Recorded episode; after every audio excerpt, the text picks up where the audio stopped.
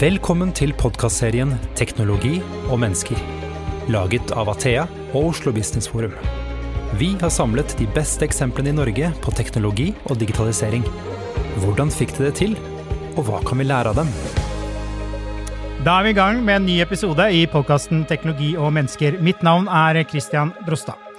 Denne episoden har jeg virkelig gledet meg eh, til. Vi lever med kunstig intelligens og algoritmer i hverdagen eh, vår, men den er ganske usynlig for oss. Mange hevder at vi lever i ekkokamre. Algoritmene styrer mediene. Du møter dem når du ser Netflix, scroller på Facebook, TikTok og Instagram, eller bruker banktjenestene.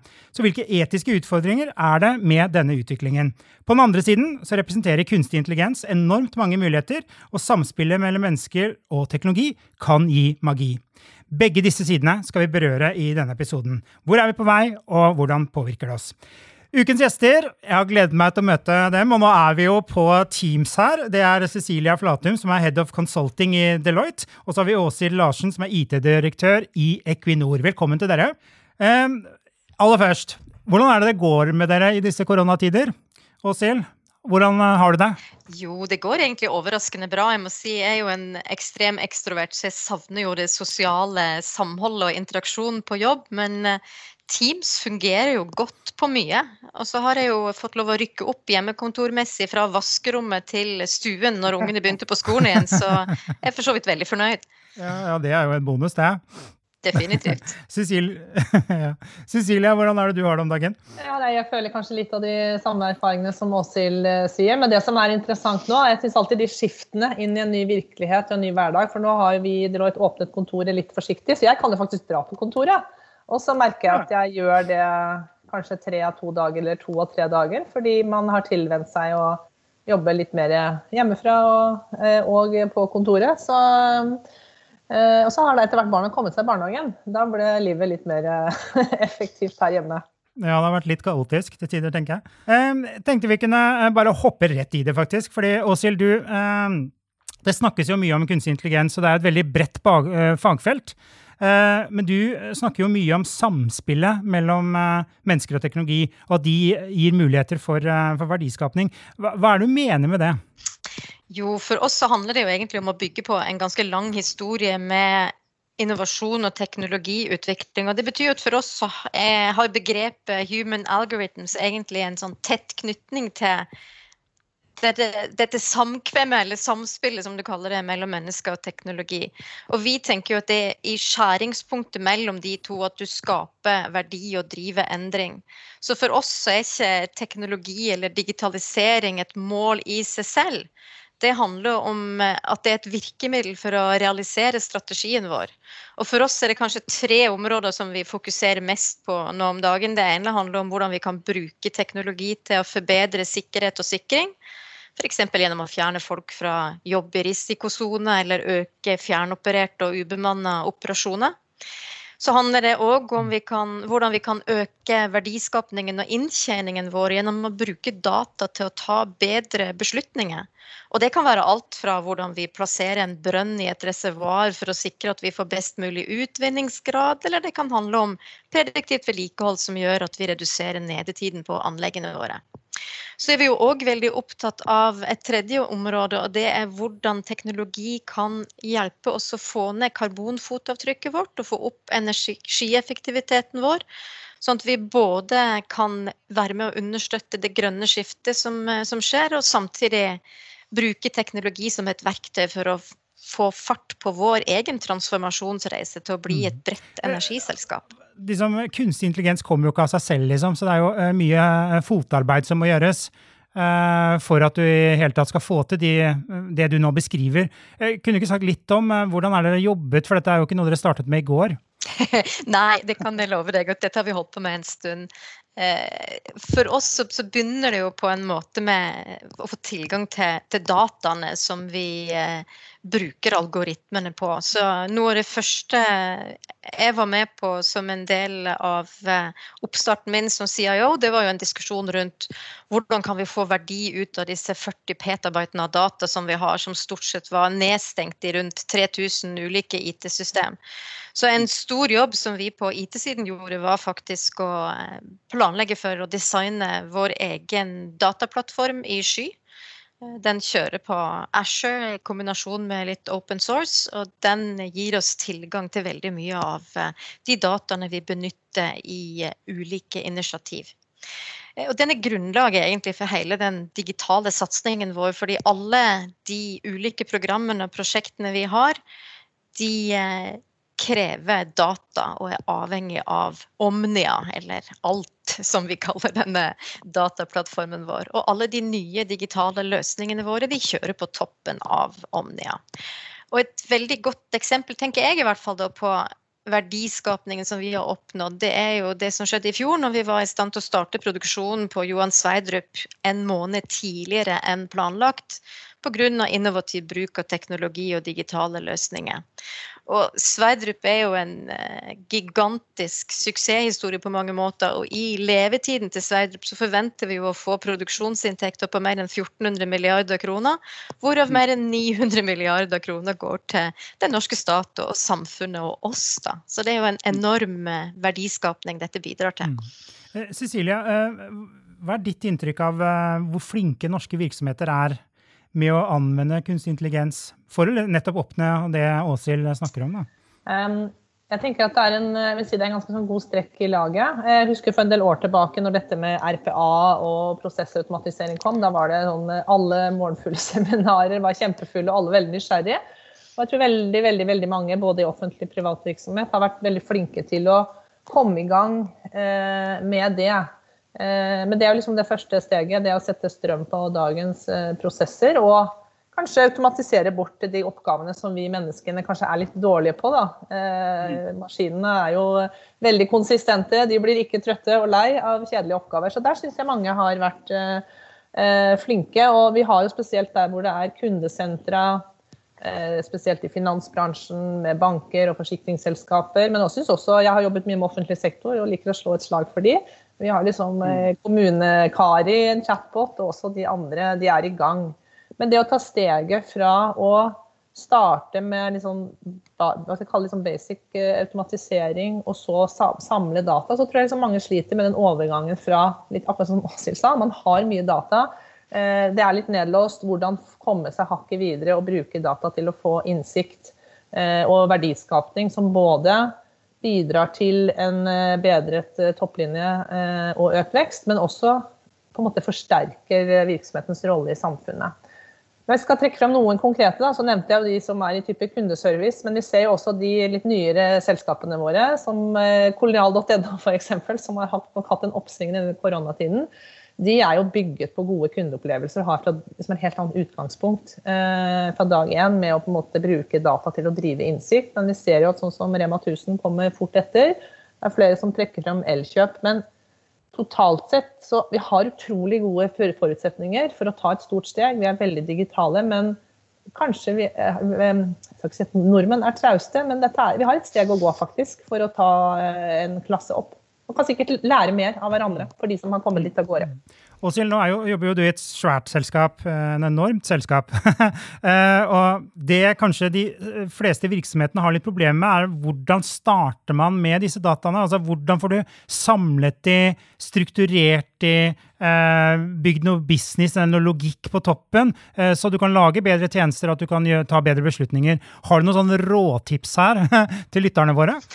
Ja, Det som funkte for oss, var i hvert fall å, knytte dataene vi tok opp til Omnia, veldig tett inn til prosjektene vi hadde på det digitale veikartet vårt. Et av de var f.eks. Eh, IOC, eller eh, operasjonsstøtte fra land.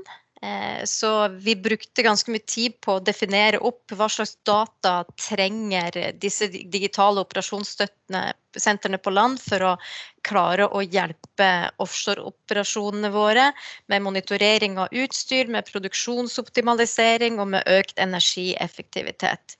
Og vi har hatt flere sånne eksempel der vi tar spesifikke datasett for å, å løse et problem i et digitalt initiativ.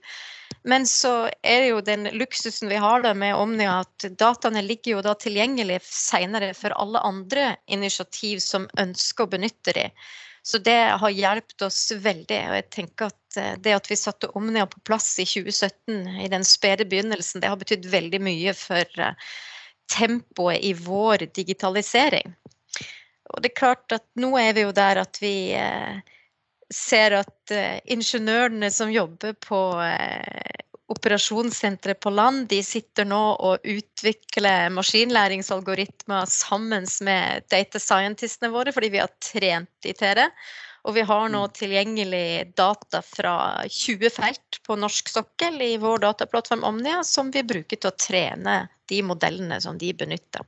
Så vi er jo kommet til et helt annet sted enn det vi var bare for tre år siden. Så det går fort. Men eh, som Cecilie var inne på, det, det krever jo en del også, fordi det endrer jo noe i måten vi jobber på. I måten operasjonene og arbeidsprosessene gjennomføres på. Så det er viktig å involvere brukerne og fokusere på hva som er fordelene for de ved å gjøre dette. Og en av fordelene er jo selvfølgelig det som Cecilie var inne på, at du kan automatisere vekk eh, kanskje en del sånne kjedelige rutineoppgaver. Samtidig som det er spennende å få lov å bruke data på å se at eh, det kan skape verdi. Vi hadde jo en situasjon bl.a. for noen måneder siden eh, på Nordne der vi oppdaga at eh, en eh, turbin kom til å gå før at det skjedde, så da kunne vi jo ta preventive tiltak i forhold til det, istedenfor at vi hadde fått en stopp i produksjonen og en oppstart. Så det viser jo ganske raskt igjen. Eh, både i effektivitet for enkeltpersoner og verdiskapning for selskaper. Det er i hvert fall vår opplevelse av det. Mm. Jeg kan jeg bare kommentere litt på det. for jeg tenker akkurat det du sier der, og det som vi ser akkurat nå at stadig flere er nysgjerrig på, er jo å få eh, hva skal jeg kalle det, lagt noen lag på toppen som trekker data ut. Eh, og det er jo både for å si, redusere risiko, som f.eks. Equinor eller helse, som jeg jobber mye med. Men det er også å få dataene ut til brukeren der de er, om det er ved sengen eh, eller ute på en plattform. Mm. Eh, som også gjør at arbeidshverdagen blir mye, blir mye forenklet. Eh, og det skaper også både kvalitet, men også en enklere hverdag for den enkelte. Før så måtte man kanskje inn i et prosessbibliotek for å se hvordan det egentlig skulle være. Og så var det ingen som fulgte de prosessene. Men nå får du liksom opp et rødt flagg eh, hvis man på en måte ser at man har lest data, at det er eh, noe som er i gjære, rett og slett. Nei, Det er bra du sier det, Cecilie, for jeg får mye tilbakemelding på det. Jeg var så heldig at jeg fikk lov å komme ut på Sverdrup eh, eh, for noen måneder siden. Og en av de tingene som eh, de var opptatt av der, det var jo for det første hvordan ganske enkle verktøy som apps hadde gjort at de kunne legge vekk all denne prosessdokumentasjonen som de tidligere hadde båret rundt på. Det at de liksom måtte inn på kontoret igjen hver gang de skulle gjøre en oppdatering eller gjøre en avsjekk. Alt det skjer jo nå ute i anlegget digitalt. Og så har vi brukt HoloLens veldig aktivt, og mixed reality, som òg har vært en veldig opptur for oss, både i forhold til design- og byggefasen når vi har bygd nye anlegg både i Korea og i Thailand, men òg nå i operasjon. Fordi at eh, da har du 3D-modellene tilgjengelig i brillene der du er, og du kan hele tiden sjekke sjekke de, og du kan sjekke temperatur. Du kan gå tilbake i backend-systemene våre og gjøre oppdatering, og det gjør det bare utrolig mye mer effektivt for eh, de som jobber ute. Og dette er jo en, en viktig bit av det som vi kaller digital feltarbeider hos oss. da. Eh, mm. At vi klarer å få til de der gode løsningene for de som er på gulvet. Mm. Eh, et ord som dukker opp hele tiden når vi snakker om kunstig intelligens osv., det er jo algoritmer. Eh, og så tenkte jeg, eh, hva er egentlig en algoritme? Og så eh, sjekka jeg faktisk Universitetet i Oslo har laget en jeg syns den er fin definisjon, da, så får dere høre hva dere sier. Så de skriver da vi kan si at algoritmer er for kunstig intelligens det DNA er for mennesker. En oppskrift på oppbygging og virkemåte. Hva dere tror? jo, jeg tror det kan være en bra ja. definisjon, det. det vel, for oss handler det vel om at en algoritme er et sett med, med, instruksjoner på en måte for å skape et resultat eller løse et problem. Og det som er viktig, er jo hvilken rekkefølge du da gir disse instruksjonene, og hvilken tilstand du, du baserer det på. Men jeg syns jo for så vidt det var en, en god definisjon. Jeg. Men jeg tenker at uh, bare det ordet algoritme, det er jo for ikke-teknologer, og jeg er ikke sånn eh, digital native eller teknolog, så er det jo det er jo et litt sånn skremmende ord. Men egentlig så er det jo bare en bruksanvisning. Eh, og i det mest basale så er jo en Ikea-montering også en algoritme. Men når du da legger på eh, algoritmens evne til å gjøre ting uten eh, menneskelige beskjeder, eh, og man kan bruke liksom, alt av data, bilder, lyd, tekst eh, Det er jo da vi gjør det Det blir det som det er i dag. Men jeg tror bare en sånn oppfordring til de som hører på, man skal ikke være så redd for det. Det kan være eh, noen enkle ting også. Ja, og vi, vi er jo veldig Du nevnte det jo litt i innledningen din òg, Kristian, men vi er jo utsatt for effekten av algoritmer hele tiden. Eh, på godt og vondt, egentlig. Fordi at vi, liker jo godt, alle tenker jeg, i alle fall jeg, å tenke at vi er sånne frie mennesker. Vi tar veldig bevisste valg, og vi er veldig sånn Men i realiteten så er det jo sånn at eh, gjennom digitale verktøy og sosiale medier og reklameindustrien så blir vi utsatt for påvirkning fra algoritmer hele tiden. fordi at vi deler jo mye informasjon om oss sjøl. Finnes mange datapunkter om oss og metadatapunkter om oss som påvirker de valgene vi tar. Og du nevnte jo Netflix, som jeg syns er et godt eksempel. fordi at Netflix utfordrer jo ikke det noe spesielt mentalt med å foreslå noe som du aldri har tenkt på sjøl. Det, repliker, det replikerer jo bare preferansene dine. ja. Og det er jo litt, litt det samme med Spotify òg. Sånn den foreslår hva slags musikk du skal høre på ut ifra de preferansene du har vist. Så det som kanskje er litt sånn problematisk noen gang med algoritme, er jo at de forsøker å gi deg det du allerede liker. De prøver ikke på å tvinge deg til å utvikle det som menneske, på en måte. I alle fall hvis du ikke jobber bevisst med, med det. Så eh, det er jo kanskje en liten mulig nedside, da. Mm. De eh, pusher deg i den positive retningen, men de kan også fort pushe, pushe oss i en litt farlig retning, da. Ja, for det er jo diskriminering. Altså, det er noen som lager disse algoritmene, da. Og de eh, lages vi jo Altså, eh, blir det biased, liksom?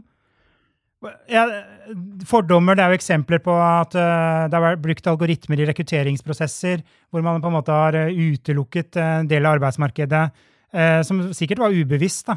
Men det er jo noe etikk og moral her? Ja, jeg tenker at er, Vi er jo biased, eh, selv om menneskene er også gode til å ta beslutninger. Men vi har noe liggende i oss, eh, og det kan være også stress og situasjoner som gjør at man, eh, det faller enda andre veien.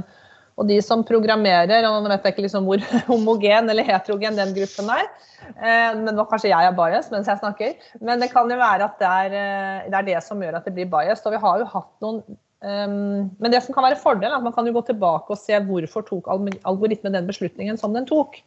Uh, og så er det jo da, men vi, Hvis vi blir litt sånn overdrevet bias, så kanskje vi skjønner det selv. Men det er jo ikke alltid algoritmen gjør det. og Vi har et eksempel fra Microsoft hvor de hadde en chatbot som heter Tai. Som var ganske tidlig, sånn tenåringsjente som skulle liksom tvitre. Eh, og I starten så var jo dette helt ufarlig, men i løpet av 24 timer så hadde hun blitt en kjemperasist.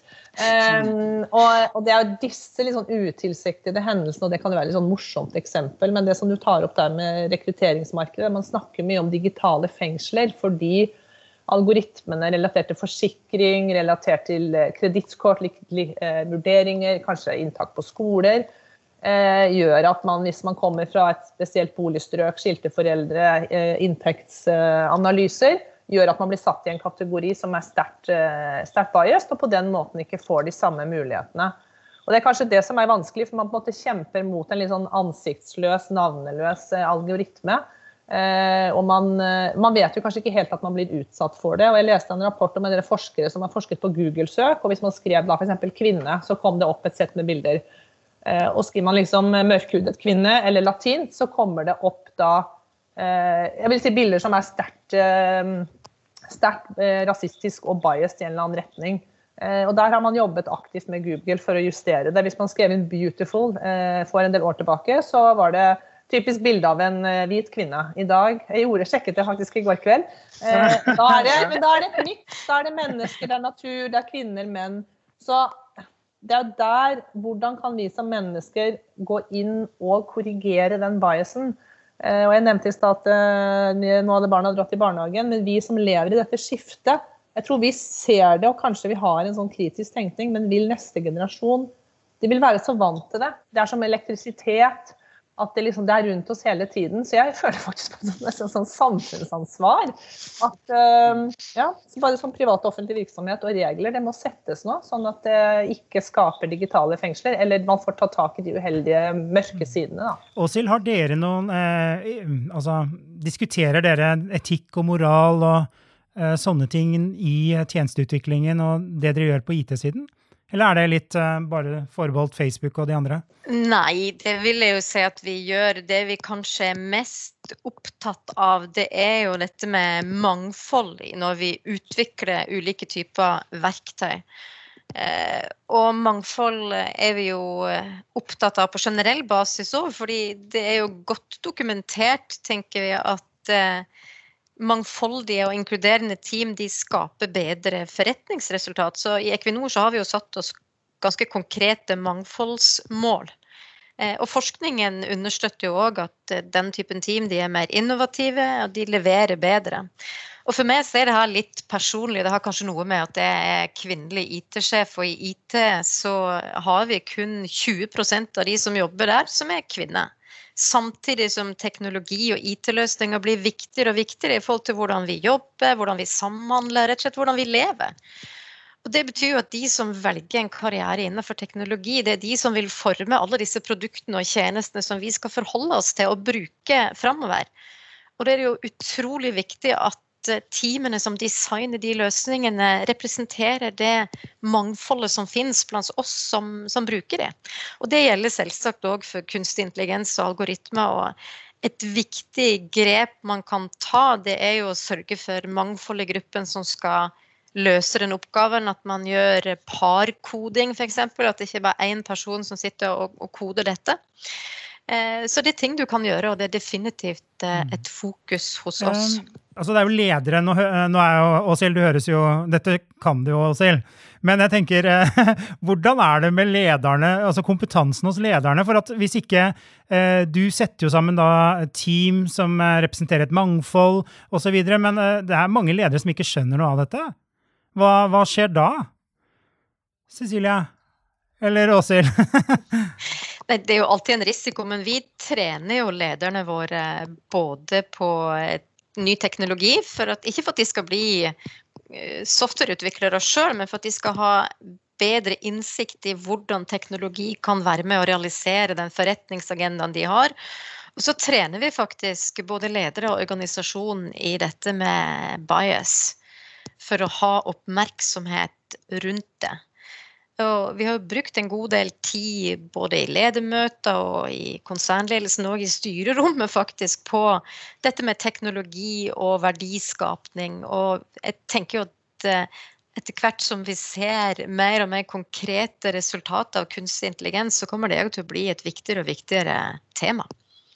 For det er krevende, for litt sånn som du var inne på, eh, at det tekniske er på en måte ofte ikke problemet. Det er din evne til å bygge inn moral, etikk og en del sånne ting i algoritmene, i AI-en, som kommer til å styre det utfallet den gir. Fordi Det er jo litt sånn med, med, all teknologi. Du kan bruke den til i det godes tjeneste, eller den kan bli noe fryktelig. Eh, som eh, du på et tidspunkt kan tenke at det er en risiko for at du mister kontroll over det. Men det, vi må jo prøve å unngå å komme dit. Og da er jo det å sørge for å ha fokus på mangfold i utviklingen, etikk og moral og en del av disse temaene som en del av teknologiutvikling veldig viktig. Kan jeg kommentere veldig kort. Jeg, så, jeg tror det var I fjor det kom en rapport fra bl.a. Microsoft rundt eh, modenhet og kunstig intelligens. og Den viste at i toppledergrupper så var det ganske høy sånn, eh, oppmerksomhet, eh, eller awareness, og man var veldig nysgjerrig på det. Og så var det kanskje litt lenger i organisasjonen at man sliter liksom med å virkelig kanskje sier også, liksom, Hvordan ta det i bruk, hvilken verdi. Man løper litt sånn fra hånd til munn hver eneste dag. Eh, og så var det i styrerommet, var det i hvert fall i denne undersøkelsen som var ganske bred i hele Europa, kanskje litt lavere enn den burde være. Så jeg tenker kanskje som leder er viktigere enn noen gang å være litt nysgjerrig og ta kontakt med sin eh, CIO. Og jeg tenker også at CIO-rollen har jo også endret seg veldig mye eh, senere årene. Før så var det kanskje CFO-en og CEO-en som var radarparet. Men jeg tenker CIO-ens rolle inn i topplederfora er jo ekstremt viktig fremover. At man også snakker hva skal jeg si, flere språk. Mm. Nei, jeg, jeg, tror du har rett. og Det er jo bare å se på min bakgrunn. Jeg er jo ikke en typisk teknolog. Min første jobb i Equinor var som servicearbeider offshore. og Jeg drev med kjøkkentjeneste og vaskeritjeneste og sånn. Men, eh, og når jeg kom inn i denne jobben, så, så kom jeg jo egentlig fra ganske mange år innenfor HR-funksjonen. Men det jeg tror som er behovet nå, er jo i mye større grad eh, en som kan koble teknologi og forretning, sånn at du klarer å, å på en måte bridge det gapet som jeg følte vi hadde litt hos oss på det tidspunktet, i hvert fall i, i kommunikasjonen mellom de to. Sånn at du får en tettere kobling mellom eh, teknologien og de arbeidsprosessene og det resultatet som forretningen ønsker å få til. da. Og det tror jeg vi har eh, klart å gjøre på en ganske god måte de siste årene. Så det er litt annet, en litt annen opplevelse av hva IT er for noen ting i, i Equinor nå, sammenligna med hvordan det var for noen år siden. Eh, det er jo faktisk eh, gratiskurs på nettet. Eh, Elements of AI, AI, jeg klarer ikke å si det, AI, som man kan ta. Er det noen av dere som har tatt det? Eller kan dere dette, kanskje? har dere prøvd dere på det kurset? Ja. Jeg har det faktisk på planen min, fordi at Equinor har dette. Vi støtter jo opp under det initiativet og har det òg som en, del av porteføljen vår i det digitale akademiet. Eh, så det ligger på eh, to do-listen min eh, for hjemmekontorperioden. Men jeg må bare innrømme at hjemmekontorperioden har vært litt mer hektisk så langt enn jeg hadde sett for meg. Så det kommer. Men jeg gleder meg veldig til å, å gå gjennom det. Jeg tror det, det er spennende. Og det med kompetanseutvikling og ta ansvar selv for mer sånn livslang læring-tilnærming tror jeg blir utrolig mye mer viktig både for organisasjoner og for oss som enkeltpersoner. Og Det betyr jo både at arbeidsgivere må legge til rette for læring, sånn som for så vidt Equinor og mange andre gjør, men at vi sjøl må ta, ta, ansvar og bruke tid på sånne ting som det kurset. Mm. Jeg har ikke, ikke, tatt det kurset, men jeg har tatt uh, Tech Savvy-testen til Deloitte. hvor jeg har i hvert fall passerte noen nivåer eh, til ikke-tech-være. Men jeg tenker den der, altså, det er så mye spennende informasjon og kursstøtte. Og det å være, være nysgjerrig og hele tiden gå inn i den livslange læringen tror jeg er veldig, um, er veldig viktig. Og det går jo med på også hvordan du konsumerer læring, hvor igjen man bruker algoritmer. I hvert fall vi jobbet mye med det, at man må liksom ikke ha disse felles samlingene. Man på en måte må, hvis man skal på hvis jeg skulle på et prosjekt da, innenfor helse som eh, omgikk dette, så burde jeg kanskje automatisk da få en e-post fra Learning og si her er liksom de siste tre kursene.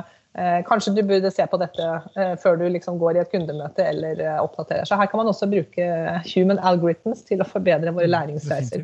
Vi nærmer oss slutten her, men Åse Elvis, du skulle ha liksom skissert opp fremtiden for kunstig intelligens. Vi får jo kraftigere maskiner, og det er liksom masse som skjer fremover.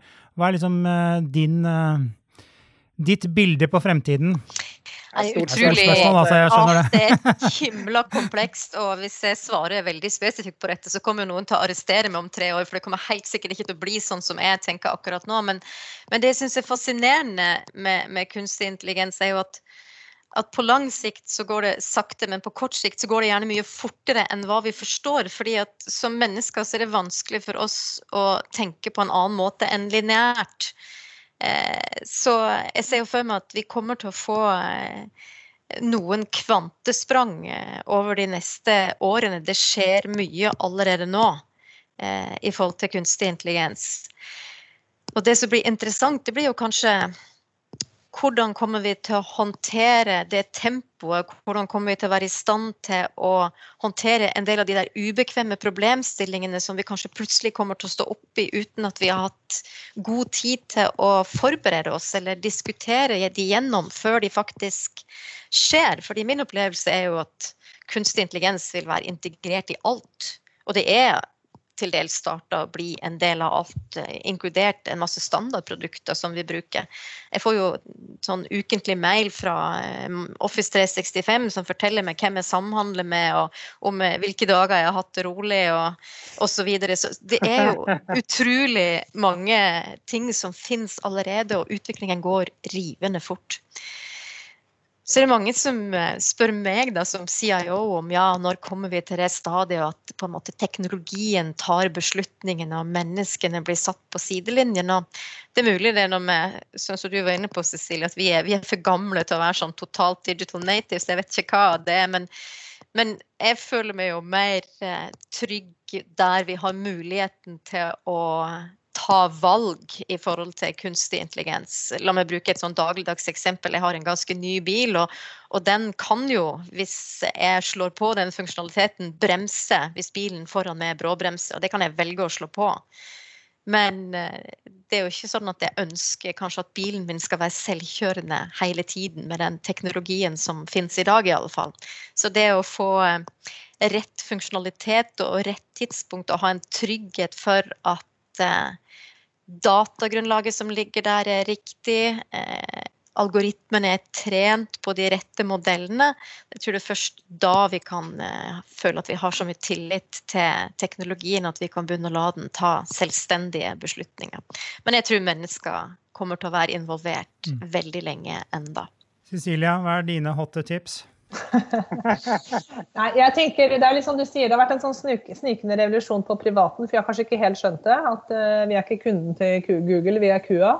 Uh, og nå er det på vei full fart inn i arbeidslivet. Uh, så det som jeg kanskje er opptatt av, er jo at man Altså, vi trenger å ha på plass regelverk. For det kan være mange ting i dag som ikke er ulovlig, men som er moralsk feil.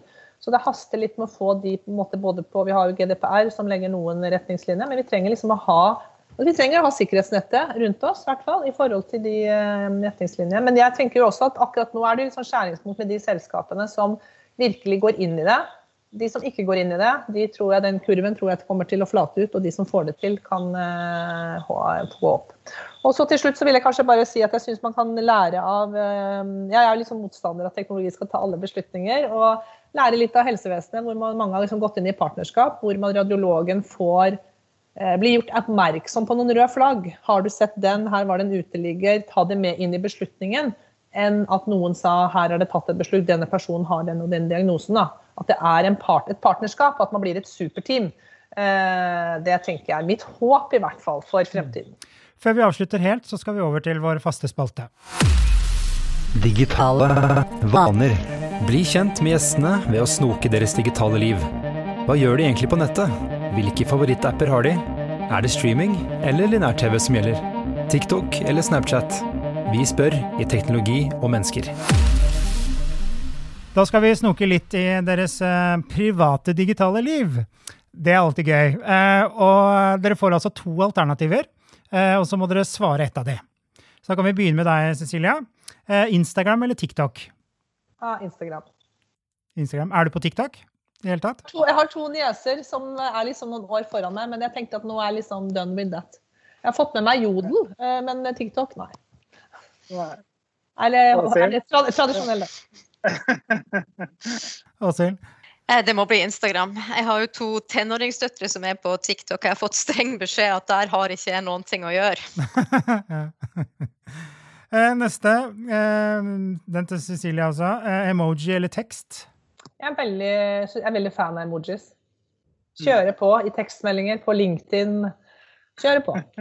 Kjøre på. Kjører du på, Åshild? Ja, definitivt. Der er jeg og Cecilia helt på linje.